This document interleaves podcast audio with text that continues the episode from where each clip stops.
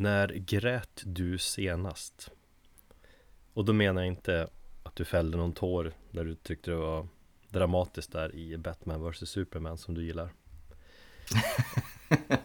Det gills inte. Jag brukar också bli känslosam när jag ser film och ibland fälla någon tår. Utan jag menar mer, liksom lite mer ordentlig gråt. Eh, ja, jag grät ordentligt eh, i höstas, alltså förra hösten, 2015. Ehm, ja, hade väl ett eh, vanligt bråk med sambon och så var jag trött efter jobbet så jag drog i mig lite vin och så satte jag på Amgoa, Exercises in Futility. Och så var det till eh, femte låten som jag tror att då brast det för mig. Sen var det ute ur mitt system och jag mådde mycket bättre och så, så blev vi sams igen dagen efter. Jag grät första april i våras För att du är ett skämt. mm. Jag låg inlagd på Södersjukhuset där under övervakning Eftersom jag hade svimmat ett antal gånger och så på avdelningen där låg det en massa människor som vet, Där många var i livets slutskede så. Och så där på kvällen åkte Modo ur SHL Och så summan av allt det blev liksom lite känslosamt Och så där ensam i mörkret så låg jag och fällde tårar Men det var ändå härligt på något sätt Bra. Ja, då kör vi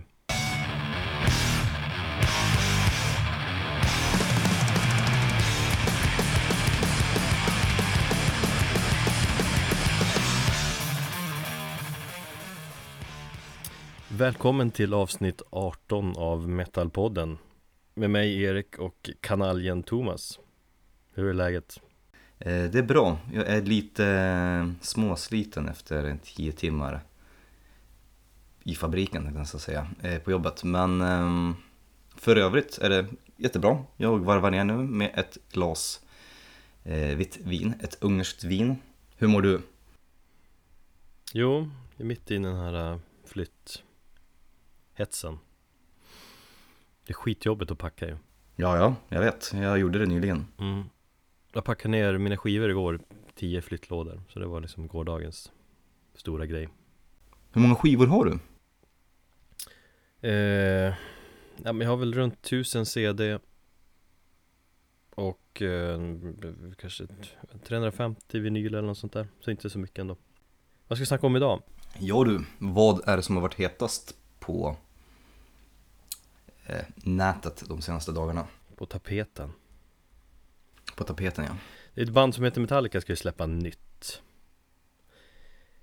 eh, Och det har det ju ryktats om att det blir ett höstsläpp senaste tiden Jag personligen har ju varit övertygad om att det blir ett novembersläpp Och det blir det, 18 november ska då Metallicas nya skiva släppas Då borde ju rimligtvis skivorna, eller promotionplattorna komma relativt snart i september kanske.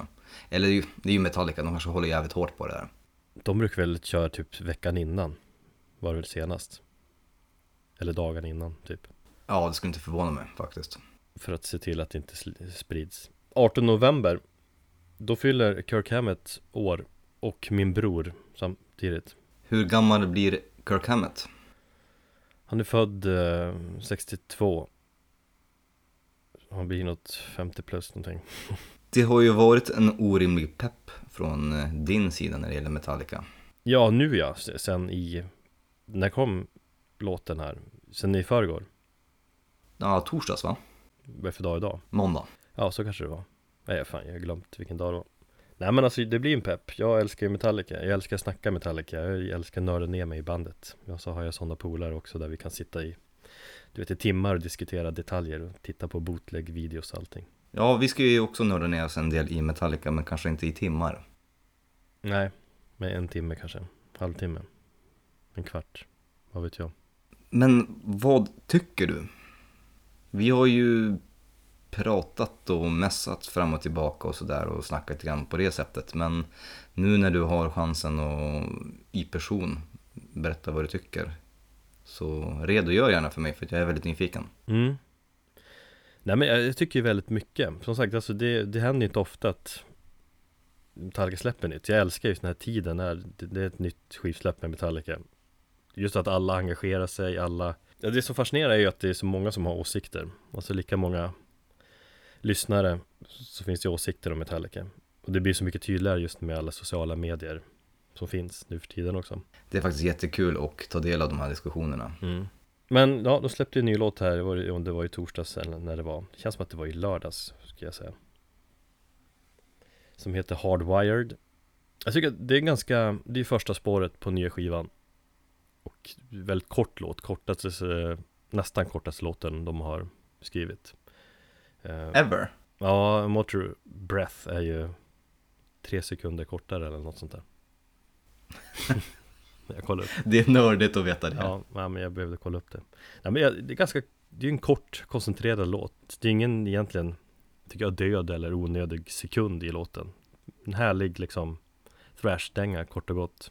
Um, och egentligen behöver man kanske inte analysera den så mycket mer än så, men det ska vi väl göra.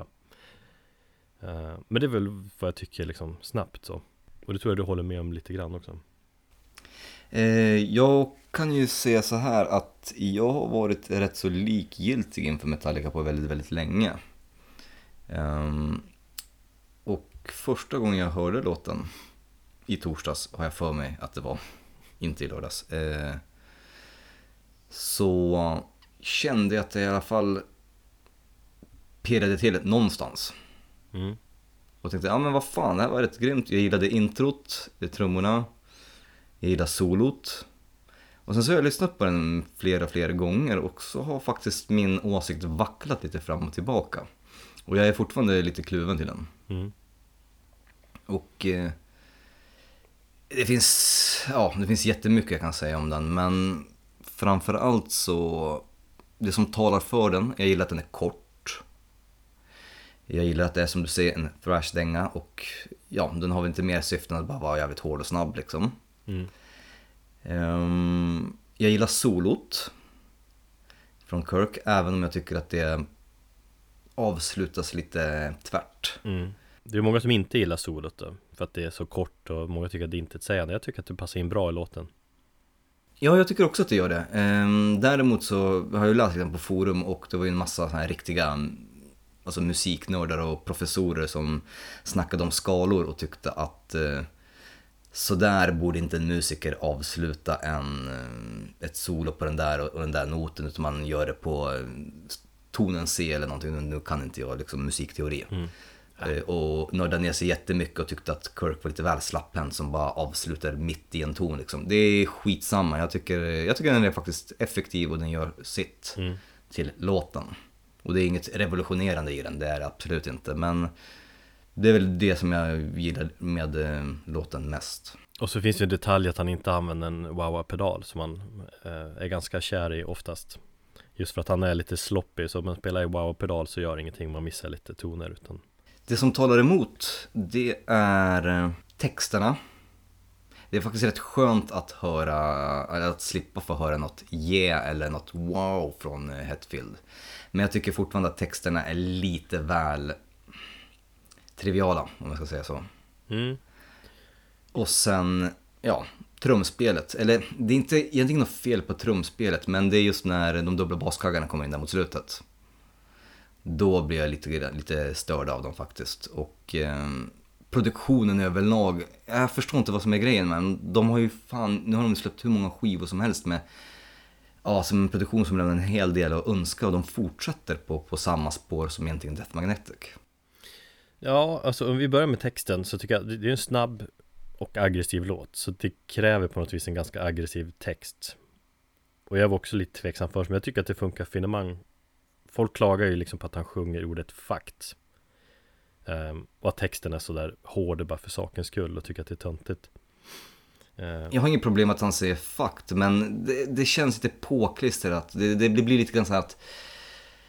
Åh, alltså jag tycker lite grann att texten är tagna från ett, eller tagen från ett livsstilsmagasin för arga tonåringar, lite så eh, som jag uttryckte det här på Twitter. att ja, Han försöker vara lite onödigt aggressiv eller hård när han egentligen inte behöver det. Fucked, shit out of luck, hardwired to self-destruct. Ja, lite rim, lite nödrim, men ja, ja, jag är inte så jätteövertygad. Han kan bättre. Nu tycker jag inte att Hetfield har varit någon superb eh, textförfattare någonsin, men han kan bättre.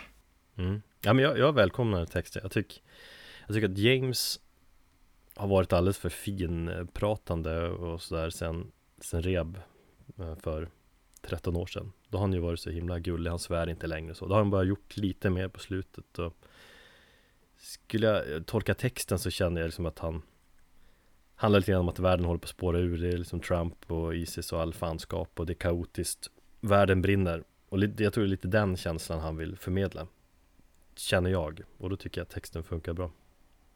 Absolut, och jag vet och jag förstår vad han vill med texten med, med tanke på hur världen ser ut just nu. Men eh, det finns ingen kraft bakom de orden. Och, och, det har väl kanske mer att göra med, med vad jag tycker om Metallica i övrigt mm. nu på, på äldre dagar. Um, och det är jag har ju lite skämtsamt kallat dem för dad metal. Att det är liksom pappa hårdrock som är förklädd till thrash. Jag tycker faktiskt att mm, riffen är lite halvmediokra och eh, känns lite oinspirerade eller återanvända. Håller du inte med mig? Själva grundriffet gillar jag som fan, det tycker jag inte. Visst man känner igen eh, James sätt att skriva riff, liksom de skalor han använder och så. Eh, men jag tycker att det är ett jävligt bra riff. Det andra riffet känns ju lite för bekant faktiskt. Eh, mm. Men annars går jag alltid igång på brukar säga James högerhand när han när han riffar liksom, få höra James Hetfield spela gitarr eh, och thrash riffar så snyggt som han gör. Det, går man inte igång på det då är man ju lite dum i huvudet, så är det Ja, grejen är att jag hade ju en hel agenda och skrivit, eh, och skrivit ner en massa eh, emot saker som talar emot den här låten. Mm. Och jag mm. känner nu när vi sitter här och pratar att all den här liksom peppen ska tala ner Metallica. Det är inte bara för sakens skull utan bara för att jag, det finns vissa grejer som jag trycker på. Det känns som att jag ändå känner mig relativt lugn och inte vill göra det där för att huvudsyftet med, med låten är väl vara att, att vara bara en kort thrashdänga och den, den gör ju det och den gör ju någonting med mig som gör att jag gillar med det och jag vet inte riktigt vad. För att jag hittar egentligen så jäkla många saker som jag stör mig på men i slutändan så känner jag bara men ändå, det, det funkar. Mm. Och så är det väl, alltså en, en, majoritet gillar låten, måste man ändå se när man kommer, kollar kommentarer och så. Sen finns ju alltid de här hatarna. Så på, utifrån det så känns det ändå någonstans att eh, eller det måste ju ändå betyda att de har gjort någonting rätt. Sen snackas det om att de har hittat tillbaka till thrash och sånt här men det är bullshit. Det är bullshit, för det, det gjorde man ju redan på förra plattan. Jag tycker att på Death Magnetic, jag tycker också på St. Anger har mycket thrash-element liksom, och det är ett thrash-band i grunden som alltid har spelat thrash förutom på, på Black Album um, Det var ett annat sound och load, det var deras bluesrock de undersökte liksom, men annars är det ju thrash de sysslar med Ja, nej men det kanske används lite fel, det är väl att de hittar tillbaka till formen. Eh, vad det är för form just nu, det, det vet jag inte. Sen så tycker jag också att det är lite fel att dumma bandet på bara en låt. Ja, ja. Så är det ju. Men nu, nu gör vi det, för att nu har vi bara hört en låt och eh, ja, jag är faktiskt väldigt avet inställd till att eh, det är ett dubbelalbum som spänner över 80 minuter. Fan, gör 8, gör 10 låtar, 45 minuter, that's it. Ni behöver inte göra mer. Nej. Var, varför ska man hålla på och göra, det, det blir lite för pretentiöst och, och fan, kliv ur era egna rövar. För att citera en känd journalist. Nej men längden på skivan, det har du inte fattat. Det är, det är 80 minuter, 12 låtar. Vet du vad det blir i snitt per låt? Mm, matte har inte varit min starka sida, men kör. 6,66 minuter. Och det går väl något rykte om att två låtar är eh, vid 12-15 minuter sträcket va? Nej, alltså det, ja, jag såg någon på Facebook som skrev det, men nej, det har inte jag läst någonting mer om. Nej, men alltså, ja. Längden, alltså de, förra plattan var ju lång också, sen att det blir ett, man snackar om att det är ett dubbelalbum, men det är ju bara på grund av längden. Alltså det är, en, det är fortfarande 12 låtar, så att det är en det är ju en, en skiva, kanske inte regelrätt med tanke på längden får väl, då får du en en CD-skiva får väl bara vara kanske ute och cyklar här helt och hållet, men 74 minuter lång. Något sånt. Stämmer bra det. Mm. Eh, Så visst, den är lite längre än så. Men jag tror att de har någon så här jättelång låt som avslutning eller något sånt där. Sådana partier som drar, drar iväg liksom. Om de har någon episk låt i stil med de tidigare plattorna så ja, då kanske jag kan gå hem. Men jag, jag är lite tveksamt inställd till, till längden och ja, vi får väl se Mm. när det kommer helt enkelt. Ja. Men du, jag har en liten teori och du får väl hålla med mig eller inte alls. Men om man nu tänker efter så här, om, om man ska gå på hatarnas linje. Så har inte Metallica släppt någonting relevant de senaste 20 åren. Typ. Då räknar du, då räknar du Load som, som relevant. Okej, ja men 20 plus då. Från vilken skiva? Säg från, eh, ja men räknar eh, The Black Album som bandets senaste ja, storverk, vilket det uppenbarligen var också. Eh, Men om vi räknar därifrån så har de ju egentligen inte släppt någonting relevant för perioden efter det, det är ju där man började hata på Metallica ordentligt. Ja, kanske redan vi- vissa vid Black Album också, som tyckte att de sålde sig. Ja men absolut. Skitsamma, jag tycker eh, Black Album är ett bra album och eh, vi räknar därifrån. Så att säg 20 plus 25 år, 24 kanske. Ehm, Så de inte varit speciellt relevanta eller släppt någonting som mm, folk har hurrat för. Eh, Och det har gjort att man är så pass van. Vi snackar alltså om ett av tidernas största thrashband som har släppt såna klassiska plattor under 80-talet. Har inte varit relevanta och inte släppt någonting av stort intresse under de senaste 25 åren. Att man är van vid att de är rätt dåliga. Så att det räcker egentligen med att de släpper någonting halvmediokert och folk börjar hurra. Som den här låten. Och Metallica är tillbaka, de gör thrash igen. Men om man analyserar låten lite, lite tydligare och kollar så bara, ja men ändå, det är ju lite halvt återanvända riff. Trummorna är triggade, solot är väl kanske inte det bästa. Lars Ulrich har svårt att hålla takten. Det är lite grann så som jag tänker, att vi är vana vid att Metallica inte är så bra längre. Så de släpper någonting som är lite småhårt, med någonting extra riffigt eller någonting och då blir folk helt jävla bananas. Ja, det kan jag köpa. Folket har, håller hela tiden hoppet om att Metallica ska bli sådär sjukt bra och stilbildande och allting som de var på 80-talet. Jag skulle vilja lägga till också att de inte är världens största thrashband utan de är världens största hårdrocksband också. Om man vänder på det hela, tänk på att de är just världens största hårdrocksband, så är det ju snarare mycket så att när det kommer ett nytt, en ny låt eller ny musik med Metallica så tok-analyseras det in i minsta lilla detalj som man inte gör med andra band. Så att visst, man tycker att vissa riff liksom har de gjort förut och så vidare, men det har ju alla band som hållit på så länge. Eh, så att det är ju ett band som får oförtjänt mycket liksom skit på det sättet. Om du förstår vad jag menar. Ja, det spelar ingen roll vad de skulle göra för de skulle ju få skit för vad som helst. Mm. Så att jag, jag håller med om att Metallica är verkligen den här sitsen där om liksom damned if you do, damned if you don't. Exakt. Nu är det väl lite snack nu om att, som jag inte riktigt köper, men snack om att nu har de den här låten, det är ju det som fansen vill höra. Nu har de liksom, men, men det, jag vet jag tycker att Metallica alltid har gjort vad de velat själva. Hade de lyssnat på liksom vad fansen velat ha, då hade de någonstans varit fast i, i Killemålträsket. För de fick ju skit redan från andra plattan för att de skrev en ballad liksom.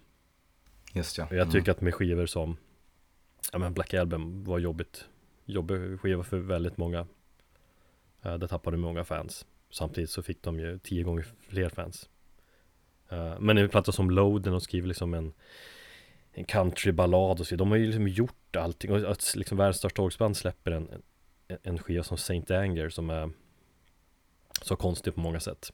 Um, Världens mest bespottade skiva, näst efter Lulu. Nej men att ett band släpper en skiva med den produktionen. Säg- Det säger så mycket om att de, de, de skiter i liksom vad folk egentligen tycker. Så att det där snackar om att ja, men nu skriver de thrash-låt igen för att det är det folk vill höra. Det köper inte jag. Jag köper att de gör det exakt vad de vill, vad de känner för. Absolut, eh, att det skulle vara fanservice kanske inte heller håller med om. Men sen så finns en annan aspekt, det är att jag tycker att de har varit en kreativ svacka. De har tagit sig an en massa olika projekt och startat saker vid sidan av bandet för att liksom Metallica Incorporated. Och eh, de blöder pengar. Jag menar, det är bara att kolla på filmen Through the Never. Som de har ju förlorat hur mycket pengar som helst på den. eh, deras Orion-festival som jag vet inte om den är nedlagd nu eller men det är ju också någonting som har bara förlorat pengar.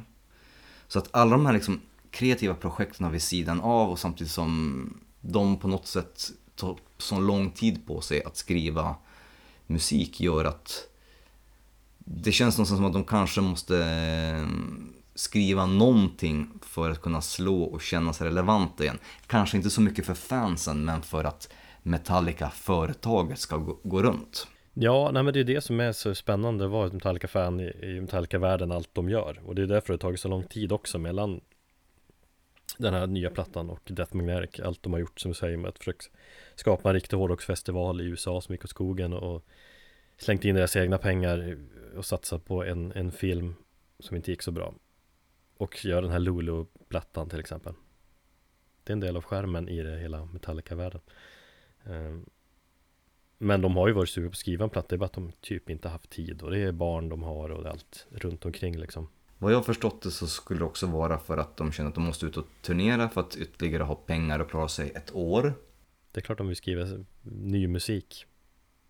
Det tror jag definitivt de vill göra. Men att det liksom har tvungen skjut, skjutits på tiden på grund av att Ja, nu måste vi se till att vi får in pengar. Ja, jag tänker så. Jo, nej, men så är det ju. Det är därför liksom alla de här var, varje sommar att de åker till, till Europa och, och turnerar eller, och, och, eller har de här festivalspelningarna och, och att de spelar företagsgig och sånt där. Det är ju liksom tydligt för att de måste dra in, in, in pengar. Uh, men tillbaka till låten där och det du nämnde om produktionen att den är medioker. Eller hur man ska tolka det. Jag skulle ja, säga Jag tycker att... det låter som en B-sida från eh, Death Magnetic.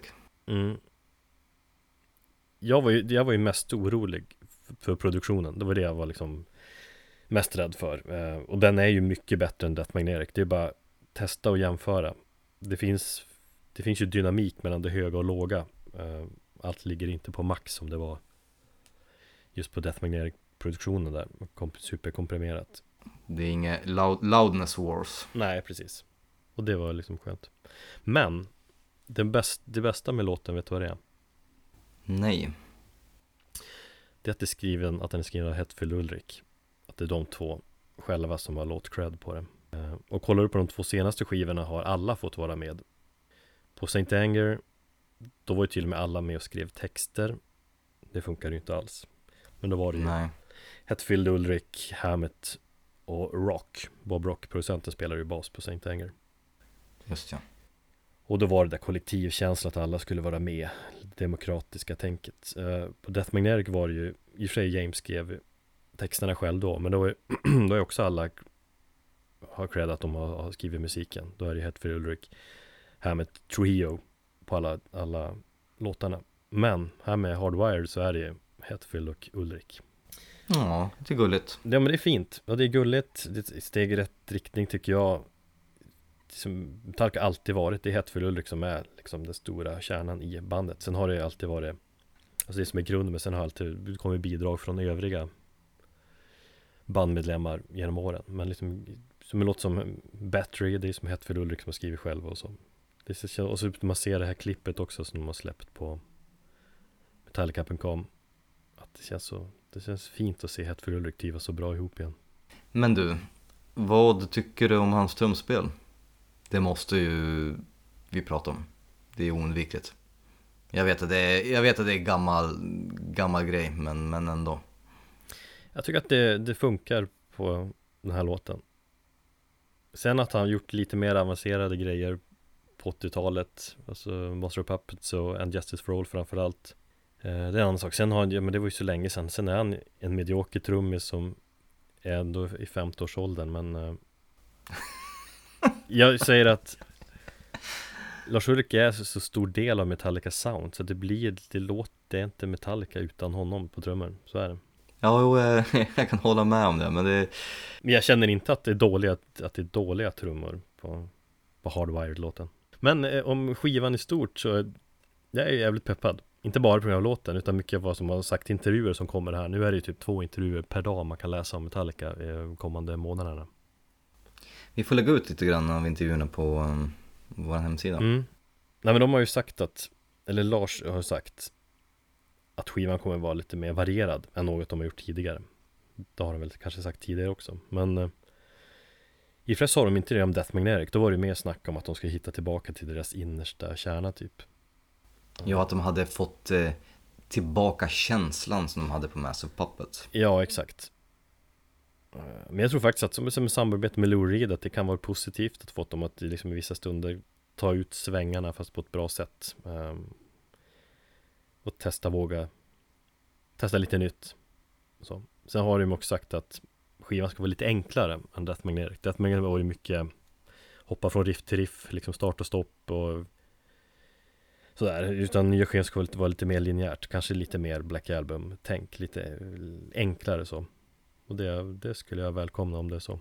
Och så är det ju på Hardwired också. Hade det varit en Death Magnetic-låt hade den säkert varit Vad vet jag, sex minuter lång istället för tre minuter lång. Och där kändes det som att de verkligen bara gjorde låtarna långa för sakens skull. Ja, lite så faktiskt. Sen är ju Metallica sitt eget bolag nu. De har inget skivbolag eller de har ett eget skivbolag och det tror jag påverkar. Ett skivbolag har ju till viss del en del att säga till om och nu kan de göra som de vill till 100% i mycket. Mm. Vad tycker du om omslaget då? Eh, tveksamt. Men jag har ändå börjat vänja mig lite grann. Det är som Metallica accepterar allt till slut och älskar det Men jag gillar det lite ändå Alltså, du har sett de här tillhörande bilderna som man kan se på På hemsidan till exempel Ja, jag såg på, på det här klippet på YouTube när de spelade, var det i Minneapolis? De spelade Min- Hardwired live för första gången. Minnesota Minnesota var det kanske. Ehm, där så såg man ju på deras backdrop så hade de ju fyra stycken bilder på bandmedlemmarna, bild i bild. Mm, precis Så jag antar att det är samma. Ja Och så, eh, jag gillar det lite grann. Jag liksom tänker att det symboliserar lite grann det inre säga, Inre raseriet man har inom sig som är på väg att explodera. Ja, En exploderande energi. Men visst, det är, nej, det är inte det snyggaste omslaget. Och bara att de har sig själva på skivomslaget Är ju som studioalbum helt nytt också Så det, ja. Nej men det, ja. Ja, Jag gillar ju som sagt att eh, Kirk Winstein från Crowbar har gått ut och eh, egentligen sagt att för, ja, för de som inte vet så är det ju väl, omslaget väldigt likt Crowbars Oddfellows Rest. Eh, nästan för likt vill jag, eh, skulle jag vilja säga. Eh, och det undrar jag också. Det är ju som, som, som han själv säger, Kirk där, när han gick ut på Facebook och sa att eh, han tror inte att någon i Metallica har snott det, men att konstnären kanske har lyckats bli eh, lite influerad eller att det har legat i bakhuvudet. Man vet ju aldrig, det kan ju vara bara en ren slump. Ja, det kan vara det, men det är en detalj i det som gör det lite anmärkningsvärt. Alltså visst att fyra huvuden sitter ihop och så och crowbars som slag, eller det är väl mer svartvitt eller enfärgat sådär. Ja, Eh, Men det är en liten detalj att- Kirk räcker ut tungan och det gör en bandmedlem med crowbar också på vänster sida. Just Ja. att det, den till vänster räcker ut tungan, det är liksom lite, lite, för, lite för osannolikt på något vis eh, å andra sidan så hade tydligen Crowbar någon likhet med en annan skiva som var betydligt äldre. Så att, ja. Nej men det kan ju vara som så, antingen är det ett rent plagiat och någon kommer ju bli jävligt stämd. Eller så är det mm, som sagt en artist som bara haft det i, sett det någonstans, var det i bakhuvudet, sen vet man gör ett omslag och så bara, ah, men här fick jag en bra idé. Totalt ovetande som att man plagierar någon. Mm. Det ska bli kul att läsa lite kommande intervjuer som säkert lär komma med den som har skapat skivomslaget. Jag tror att det är Derek Hess som gjorde omslaget till eh, In Flames Come Clarity. Med den här, det är ju så här blyertstecknat liksom, eh, den här figuren som rycker ut hjärtat och håller det i handen. Mm, jävligt snyggt. Det fick ju, ja men det fick ju också jävligt mycket skit för att det skulle varit eh, väldigt likt Sepulturas eh, Roar, tror jag det var, Roarback. Just ja, ja det är faktiskt väldigt likt ju. Ja, nu vet jag inte om det är det kanske är två olika eh, konstnärer som har gjort det. Men eh, ja, jag vet att i alla fall det var lite snack om det när, när Inflames släppte den plattan också. Ja, jag skulle vilja se Crowbar stämma, försöka stämma skiten ur Metallica, hade varit kul. Skickar de dit hela sitt jävla arsenal av eh, advokater. Mm, ja, det hade varit svårt. Vad tyckte du om albumtiteln då? Hardwired to Self-Destruct. Ehm, ja, det är väl som i övriga låttitlar. Jag tycker överhuvudtaget att de flesta låttitlarna är relativt lökiga. Eh, Man Unkind, kom igen liksom. Med U och N i stora bokstäver. Ja, precis. Men det var ju som någon skrev tror jag på, på, på något forum att eh, ja, men vad fan, det är ju inte en Metallica-skiva om det inte finns någonting som är löket. Eh, ja, det är, jag ska egentligen inte döma skivan på grund av våra låttitlar. Musiken kan fortfarande vara bra. Men ja, visst. Det, det finns ju ingen Creeping Death eller det Call of Cthulhu eller något sånt där. Utan det är lite halv, halvdåliga, halvkast tycker jag. Mm. Jag känner att jag vill få lite mer fördjupning i just albumtiteln där. Och hade det bara hetat Hardwire, det hade varit lite, lite cleanare och snyggare. Ja, precis. Men James pratar ju några sekunder om det där, eller om Hardwired to Self-Destruct i uttrycket i ett, ja, det där dokumentära klippet om när de skriver låten Hardwired. Eh, och då säger han någonting om att han har hört någon som, som pratar om att alla har det någonting inbyggt i sig att man tar den här äh, felvägen i livet där allt går fel. Äh, men att vi hela tiden kämpar oss kvar för att hålla oss liksom rätt i, i samhället. Men att det är så lätt att det spårar ur och äh, Nu spårar jag ur kanske själv då, men det är droger och frestelser och Våld och påfrestningar hit och dit och vad vet jag. Men att Men att det kanske är lite den, den tanken, ja. Men jag följer din tanketråd där och jag förstår precis vad du menar och det låter faktiskt inte helt dumt nu när du säger det. Att vi är liksom förprogrammerade att vara självdestruktiva och kämpar emot att försöka vara goda människor så att säga. Och jag vet ju att James har ju mycket sådana tankar. Jag tänker bara på när de släppte Saint Anger så spelar de, jag tror Trios första gig så spelar de på San Quentin. Eh, klassiska fängelset utanför eh, San Francisco. Där det sitter x antal mördare för livstid. Um, och då håller James en litet snack för alla de där um, innan spelningen och säger lite grann att ja, hade inte haft musiken i mitt liv så hade jag säkert mycket väl kunnat vara här i fängelset mer eller varit död och så vidare. Så att han har säkert mycket tankar om att han musiken som har lett honom rätt till livet och sådär att det är lätt att hamna fel. Och, ja, ja, i och med att det är James citat så. Jo men absolut. Eh, han har ju som sagt lidit av alkoholmissbruk och han hade väl också en hel del mörk period. Han var ju väl uppvuxen i en familj med eh, som var hårt kristen ja. någon falang av kristendomen som jag inte riktigt vet, någon, någon sekt eller något sånt där som man eh, ja, hade lite svårt för i sina tonår va? Precis, alltså någon typ av kristen tro där man låter, man tror inte på mediciner och sånt utan Gud ska hela och hans mor gick ju bort i cancer och han, hon hade säkert kunnat levt kvar en längre tid eller vad vet jag om, om hon Fy helvete, vilket åh.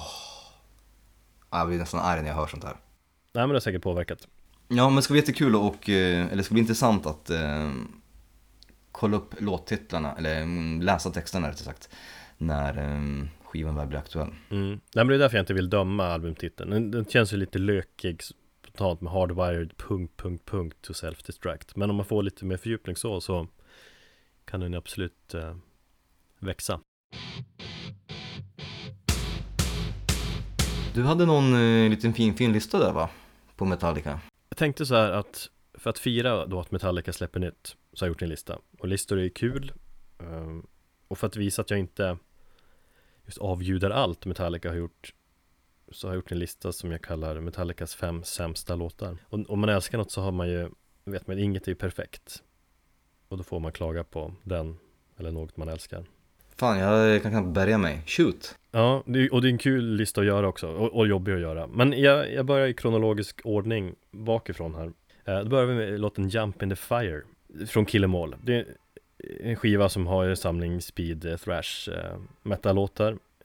En sjukt klassisk skiva. Men sen har vi också Jump in the Fire som Även om det är en klassiker så är det liksom en låt som, som inte har åldrats med värdighet alls ska jag säga. Det är, det är Mustaines låt i grunden tror jag, han som skrev den typ som 15-16-åring och så har de tagit den och gjort om den lite grann för att likna Run to the Hills. De var ju stora Iron Maiden-fans där. Så det finns ju ett tydligt singeltänk i låten, men den står ut från skivan, fast på lite på fel sätt. Jag tycker den åldrats väldigt dåligt. Det är lite såhär disco metal känsla i den på något vis. Solot är jävligt kung, men annars tycker jag den är mest äsch. Och hade liksom tag- Om man plockar ut den låten från skivan så är det mer en homogen platta, om man säger så.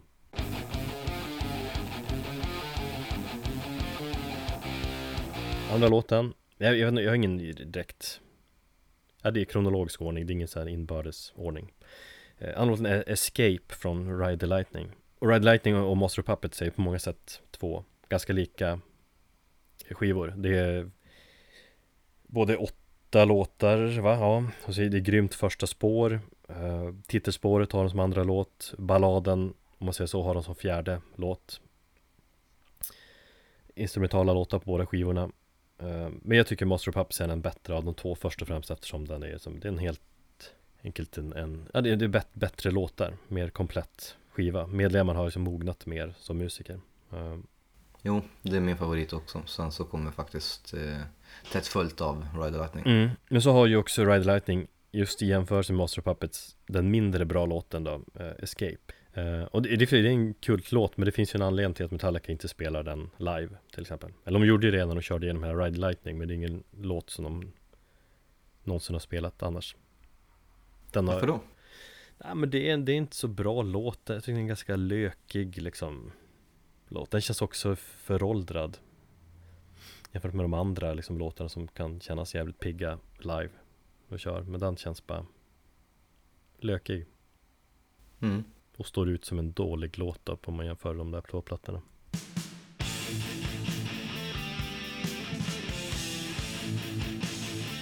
Bra, det var 80-tal. Nu hoppar vi till Load och låten Ronnie Eh, Jag tillhör ändå minoriteten kanske Ja, som gillar Load Jag tror att få band skulle liksom Våga göra en sån platta med tanke på deras tidigare skivor och liksom hur stor de är och allt så. Men just Jag gillar ju också Load. Ja, Det har jag sagt tidigare. Jo, det har vi pratat om.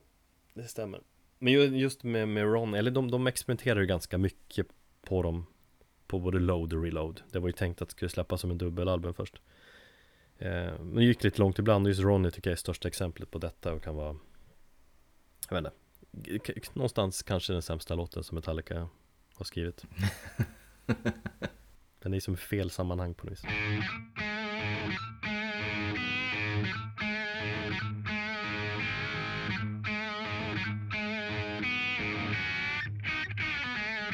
Eh, hoppar till Reload och låten Better Than You. Jag läste faktiskt att det var typ första låten de skrev den här Load-eran Load och Reload-eran. Men det är ju bara att lyssna på introt, de har ju något så här typ elektroniskt intro, det där ljudet alltså Jag, jag minns typ att Metallica inspirerar massa häftig modern rock och typ elektronisk rock och typ Prodigy på den tiden och ville ha något sånt här coolt och, och lite sampling känsla i början av den låten. Och det sabbar låten direkt och sen börjar riffet som det, det är liksom i och för sig ganska tungt riff egentligen men det är väldigt jättesimpelt tråkigt enformigt eh, riff och så sången börjar bli alldeles så här glatt och lattjo och så bara helt intetsägande låt eh, Kirk solo är liksom ja, haft en dålig dag i, i studion och spelat vanligt så här eh, blues trudelutt sol och så texten är bara riktigt lågvattenmärke från James Hetfield Ja, den är lite lökig. Eh, jag tycker inte det är den sämsta låten på skivan, men jag tycker att väldigt många låtar på den skivan är väldigt dåliga. Eh, det är kanske inte den sämsta dock. Vilken låter sämre på Reload? Um, Carpe Diem Baby, Nej, den, den, tycker jag den tycker jag fan rätt bra Alltså det, det är den sämsta låttiteln Som Metallica har Ja, skrivit det, ja, det kan nog, ja, jo men du, du kan ha rätt faktiskt. Eh, men det är ju också det här med, jag gillar inte när Hetfield börjar köra sin baby och när han får ord som slutar på y i slutet av meningar, för det är då han liksom ska hålla på och waila till dem. Baby!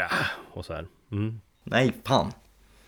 Mm. Och det förstör så jäkla mycket eh, av Metallicas låtar när han höll på sådär som mest. Det är ju en väldigt stor del av, av hans liksom Vad ska man säga, post Black Album och Ja Ja. Och det är därför man gillar eh, Hardwired-låten också För han håller inte på någonting alls med det Det är inget yeah, hardwired yeah. Self-destructor Men det finns väl någon låt med en jävla massa X, vad fan heter den? Fixed? Fixer. Ja, Fixer, ja den är väl inte heller så jättebra. Nej men det är, det, fan, det är bra riff och grejer, den är lite för eh, Jag vet inte, för jammig, långjammig på slutet där så här, Men jag tycker ändå har bra känsla i den Det är en låt som de brukade köra, de släppte Load först, sen turnerade de ett år Och då brukar de Gå in och jamma på den låten Ibland. Mm. Så jag köpte ju en massa bootlegs, VHS eh, videos från ja, turnén i USA och tittade på och, och analyserade den låten jävligt mycket. Så att när den väl kom på skivan tycker jag, vad fan vad häftigt få höra den. Nej men Better than you var det, inte ett sägande.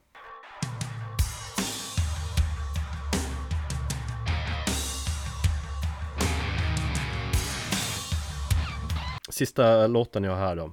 Purify Från Saint Anger uh, Saint Anger är ju ganska mycket klippa och klistra känsla i Pro Tools som de använder.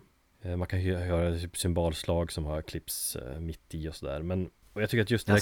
Ja, jag tycker just det här klippa och klistra grejen märks mest just på den här låten. Det är, det är ganska jobbig refräng och så bara Från början tycker jag den var mest thrashig på skivan Men när man lyssnar igenom den så bara, Dålig låt och så Har de en, ett helt onödigt avslutningsriff Låten är klar och så har de klippt in något tråkigt Riff, liksom de, precis som att ja men det här riffet då, vad fan ska vi göra med det? Ja men vi lägger det här. Det blir svinbra.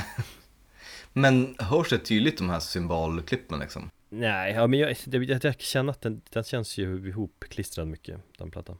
Och det är det, för även om jag, jag tycker den känns ganska punkig också, men just att de Det är tydligt att de kanske inte har, så de gjorde med Death Magnetic var de ju, repar de ju mycket på Rick Rubins uh, uppmanan. Eh, uh, Saint var, sitt de gör med fantastiska Pro Tools. Och bara, vi, vi klipper så, och så klistrar in det där och så testar vi. Då tappar man nog mycket känslan för vad som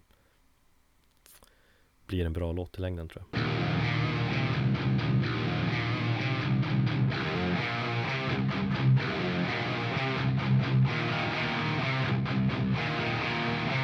I ehm, skuggan av Metallica eh, så släppte ju Dark Throne en ny låt. Stackars Fenris. ehm, han känner nog sig väldigt överkörd. Eller så bara sket han fullständigt i det. Ehm, I alla fall, de har ett nytt album som släpps här 14 oktober. Arctic Thunder. Och du har hört låten, Erik? Som hette eh, Leech, vad heter den? Tundra Tundra Leech. Tundra Leech. Jo, jag har hört den. Jag är eh, inte alls som jag hade förväntat mig att den skulle vara. Inte alls särskilt mycket black metal-känsla. Men Nej, coola, tunga riff skulle jag säga. Jag är, va? Jag blev positiv. Jag eh, älskar den låten. Eh, Jag föll för den direkt och Nej, men Dark Throne var ju väl länge sedan de gjorde regelrätt black metal faktiskt. Så Men om man ska snacka, lite nyfiken här, av de här de här klassiska norska black metal banden Hur stora är Dark Throne och hur klassiska är de i jämförelse med till exempel Emperor uh, Mayhem och Immortal Kanske Bursum känns större också, eller? Uh, ja, större vet jag inte. Jag har aldrig varit något stort fan av Emperor. Jag tycker att de är någon sån här halv... De ligger någon nivå under tycker jag de här klassiska norska banden. Men ja, Dark Throne tillsammans med Bursum och Mayhem och Immortal. Alltså om vi säger så här, av den här regelrätta liksom lo-fi eh, sataniska svartmetallen så är det Dark Throne, Mayhem och Bursum skulle jag kunna säga. Mm. Det finns säkert några andra också, men vi säger någon topp trio. Immortal körde ju sin liten blastkyrkvärld där med lite mer kyligare och vinter black metal åt sitt håll. Emperor var lite mer progressiva. Mm. Jag, jag kan ju säga, jag känner Darkstone har jag sjukt dålig koll på Jag lyssnar väldigt lite på dem um, Har inte alls följt de senaste åren heller Som jag fattat som att där har de Tio senaste åren har de väl eh, bytt stil ganska mycket Ja. Eh, nej men de släppte ju Soulside Journey som var egentligen en dödsmetall 1991. Och sen så kom ju andra plattan. Eh, fan varför det så glömde jag bort vad den, vad den heter. Eh, jo, A Blaze in the Northern Sky. Just det, det är klassiker Eh, ja, och det, där var det ju mer black metal fast med eh, fortfarande var det dödsmetallriff eh, spelade på ett black metal sätt. Transylvanian Hunger egentligen höjdpunkten. Men, och även om jag gillar dem så är det inte det de plattorna som jag eh, återkommer till när jag lyssnar på Darkthrone utan det är faktiskt den här sentida Darkthrone från 2006. Eh, när de blev lite mer krustpunkiga, när de körde lite mer heavy speed thrash metal. Och eh, det är ju där jag tror någonstans att eh, bandet har sin behållning och det är där jag tycker de är som mest intressanta. Och eh, ja, Fenris har väl i viss mån avsagt sig lite grann av eh, ja, sina ungdomens dagar och de plattorna. I alla fall hans, eh, eh, ja, hans tankar kring eh, norsk arisk black metal. Som de menade egentligen var ren och inte arisk om det skulle vara någon form av rasistisk. Men ja, det vet jag inte man kan tycka på. Det är tveks, tveksamt ord att använda i alla fall. Jo, men det var ju, det var ju Varg Vikernas från början där som var med och skrev väldigt mycket på skivorna. I vilket fall, den nya låten tycker jag har en rätt produktion. Den känns lite tyngre, den känns lite fetare än kanske de andra plattorna. Eh, och det är väl en, kanske en liten återgång och Fenner snackar ju själv om det. Han har ju varit väldigt öppen med, med, på Facebook och just inför den här låten med att prata. Han har ju sagt att han vill inte prata om texter eller sånt där. Man vill bara förklara lite bakomliggande fakta kring musiken. Och hur de spelade in det. Och det är ju hälften av låtarna är ju skrivna av honom och hälften är skrivna av Nocturna Culto. Och sen så har han, tror jag, Fennis bidragit med texter på fem. Och eh, Nocturno på tre, så det är väl åtta låtar totalt.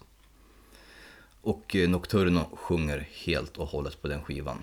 Men annars har de var varierat sången väl? Ja, eh, på The Underground Resistance så varierar de lite grann. Men det, det är ju en skiva som de, de kör lite mer klassisk heavy metal, skulle man kunna säga. Turat som sången säger man kanske.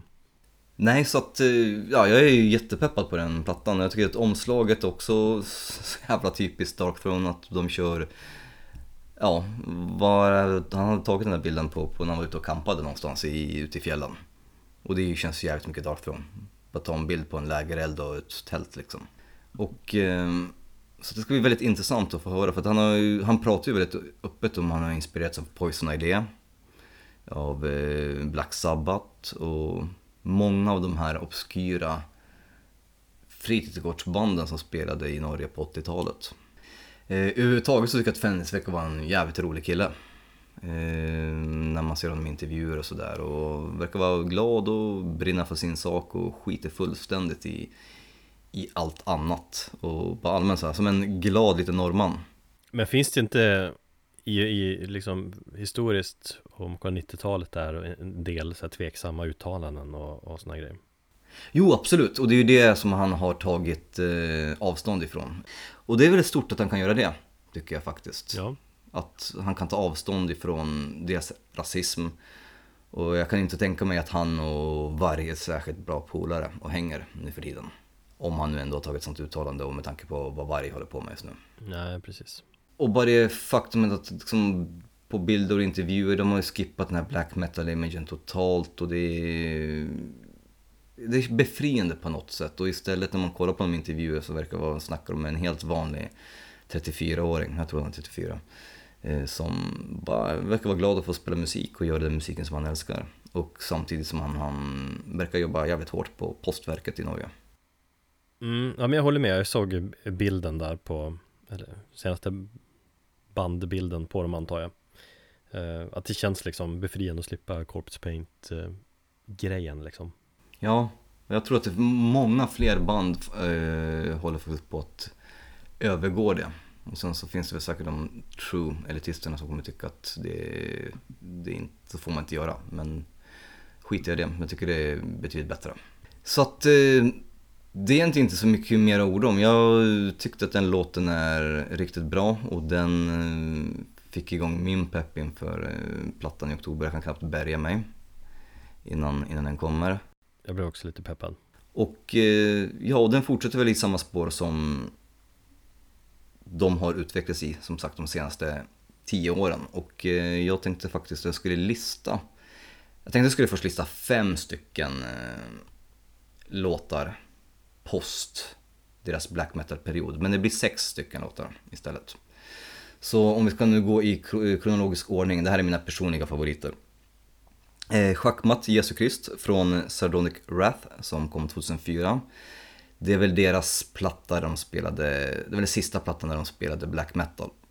Eh, och det fanns ju en hel del punk-influenser redan där och man började märka att de höll på att gå i en annan riktning.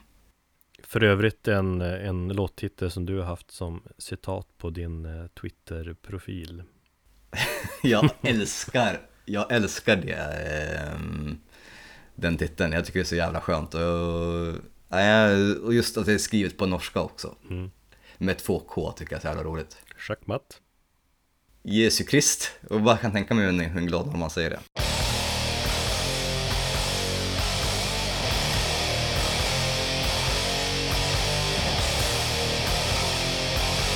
Eh, från 2006, det blir egentligen en låt per skiva. Eh, från 2006 så har vi The Cult Is Alive, eh, alltså den, den plattan, Too Old Too Cold. Och det är väl där är det ju mycket mer kröstpunk.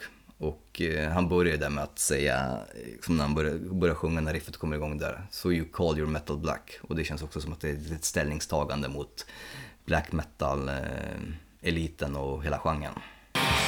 Nothing to prove, just a hellish rock and roll free. You call your metal black, it's just passing lame and weak. Från 2007, från Fuad, Fuck Off and Dive den plattan så har vi samma eh, titel på låten, Fuck Off and Die. Jag tycker ett skönt uttryck, jag brukar säga det rätt ofta.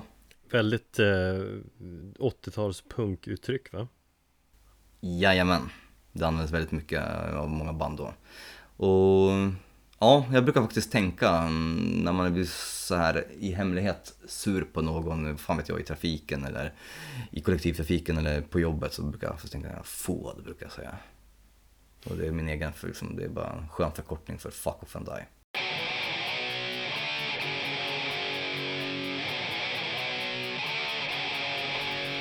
Från 2008 och plattan Dark Thrones and Black Fag Dark Thrones and Black Flags eh, Hoppsan eh, Så har vi Hiking Metal Punks och det är ju bara en sån jävla fantastiskt bra titel och där känns det verkligen som att de bara totalt blev Benny Hill och började skita i allt och alla och bara nu kör vi våran grej. Du har ju snackat om hiking metal, är det där du har fått det ifrån? Eller vad ja, menar det, du med hiking det, metal? Ja men det är ju, Darkthrone spelar en jävla camping metal. Det är ungefär det, liksom ut med en gitarr och, och en liten fan bärbar stärkare ut i skogen och spela black metal. Eh, och det låter som Darkthrone ungefär. Eh, men det har jag tagit från den här låten, Hiking Metal Punks.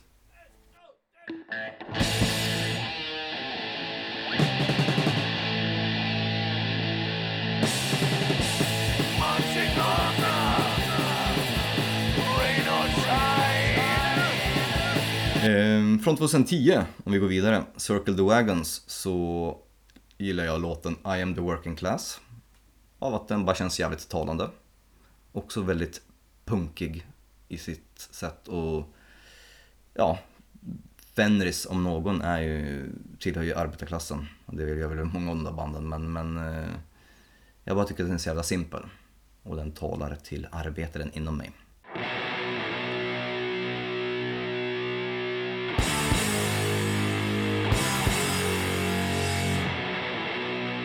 Från eh, The Underground Resistance, den senaste plattan som kom 2013, så den var ju lite... Eh, deras, de två sista låtarna på den plattan är så förbannat jävla bra för det är både episk heavy metal, det är thrash, det är speed, det är, de går genom hela det här spektrum av den här klassiska 80-tals heavy metal, liksom, hela, den, hela den grejen. Liksom. Eh, och de riffar loss ordentligt och eh, det var ju både eh, Come Warfare, The Entire Doom och Leave No Cross Unturned. Men jag fastnade för Leave No Cross Unturned faktiskt mer när jag lyssnade igenom den plattan sen stod jag nej den är snäppet vassare. Och plus att det är en, också en jävligt bra titel. Ja, när jag läste eh, kommentar, kommentar, kommentatorerna på nya låten där Det var någon som skrev, skrevs där Leave No Cross Unturned och så flinade jag för mig själv, jag tyckte det var ett kul uttryck eh, men då förstår jag vart de tog det ifrån också. Ja, och det, så, det som är så roligt med, eh, om man liksom, jag var inne på YouTube och lyssnade på den här nya låten då, eh, Tundra Leach, eh, igår och eh, jag menar, hela den här Metallica-diskussionen spiller över i kommentatorsfältet för Dark Thrones låt, vilket är så jävla intressant. Hur folk börjar snacka och börjar jämföra och bara men nya Dark Thrones-låten är så jävla mycket bättre än Metallica och man bara men vad fan, ni kan ju inte jämföra dem för det första. Eh, och sen bara, men alltså hur mycket kontroverser Metallica skapar och om vi nu ska knyta tillbaka till Metallica så tycker jag är det Säg vad man vill om dem, men de, de skapar i alla fall debatt, vilket är jävligt kul. Det är jävligt kul. Det, jag För älskar den här tiden. Jag är, så jävla, jag är så jävla peppad på hösten nu, bara för, på grund av alla de där diskussionerna om Metallica. Ja, och de lär ju inte upphöra snart heller. Nej, absolut inte. Men just att det måste, de här som känner sig, alltså som, som ja nu hoppar jag ut i Metallica igen, men som älskar bara de 80-tals Metallica, de måste kommentera och säga det. De känner sig tvungna att göra det. De måste kommentera hur mycket Lars Ulrik suger. Hur dåliga de är och hur, att de borde lagt ner för 25 år sedan och så vidare. Alla man känner det behovet. Men det är så jävla Det är så jävla trist med folk som måste säga Metallica dog när Black Album släpptes. Ja, det håller jag med om. Eh, men det gäller väl väldigt många artister när man går sådär. Och jag har väl också, som sagt på Twitter så har jag väl kanske yttrat mina åsikter om den där låten. Men det kanske kan tyckas vara lite hårda när jag beskrev den som dad metal. Men någonstans så får jag säga, jag är, jag är inte 100% övertygad och jag skulle jättegärna vilja bli övertygad. Mm. Eh, och falla i samma grupp som du. Men eh, än så länge så är jag inte det och jag peppar mer Darkthrone än, än Metallica helt enkelt. Ja, du gör rätt i. Nej men sen kommer du ju aldrig kunna vara samma nörd som jag är liksom. Jag har ju en, en livslång kärlek till Metallica. Det har jag insett. Jag kommer alltid, de kommer alltid betyda så jävla mycket för mig. Det, alltså jag är den första med i att mitt liv skulle vara sjukt mycket tommare, eller kommer att bli så mycket tommare när Metallica lägger ner. Det fick jag faktiskt känna av när Jason hoppar av där i typ, vad det 2000, 2001. Först han hoppar av, känner vad fan händer? Och så James gick in i, i rehab där och sen var det helt dött från Metallica-läger i ett år. Då kände jag nu, nu är det slut. Fy fan. Och då hade jag sån ångest och då Det tyckte jag var så sjukt tråkigt. och jag tyckte, och, och, fast många, om han hade lagt av det skulle många tycka det var skönt. Kanske, av de här som älskar bara 80-talet. Men jag skulle må så mm. dåligt. Och därför var jag så överlycklig 2003 när jag såg dem på Roskilde. Det var liksom Bigger than life. Ja, jag eh, fick ju se Metallica så, så sent som 2012 första gången. Eller vänta, var det 2012? Nej, det var 2014 när de spelade på Stockholm Fields. Jag har aldrig lyckats se Metallica då. Så att, eh, ja, och jag menar Metallica var ju den, också en av anledningarna till att jag sitter här idag. Det är bara att jag kanske inte är lika mycket nördig som du. Jag har gått vidare, jag kanske gjorde slut med dem tidigare. Och sen gick jag vidare. Du har inte riktigt släppt taget. Du är som en sån här klingande psykotisk ex-flickvän. Ja, som, som jobbig och som man inte har hört av på länge och som ringer upp nu och som man bara, vad fan? Nej, men, nej, men det också, det, nej, men, det ligger där någonstans i bakhuvudet. Det är inte så att jag lyssnar på Metallica varje dag, jag har inte lyssnat på dem på svinlänge. Men så kommer de med en ny skiva, från ingenstans eller, fan, släpper de en ny låt och allting. Det Linn, min sambo, filmar ju mig när jag lyssnade på låt första gången. Jag måste kolla in det klippet. Jag blev lite Det får du fan skicka över till mig. Jag pekade finger mot henne när jag insåg det. Men jag, jag ser säkert jättelöjlig ut. Jag måste kolla på det Vad bra, men då har vi någonting att se fram emot och eh, förmodligen återvända till. Härligt! Tack för att ni lyssnade ännu en gång om vårt nörderi. Mm, tack. Thank you.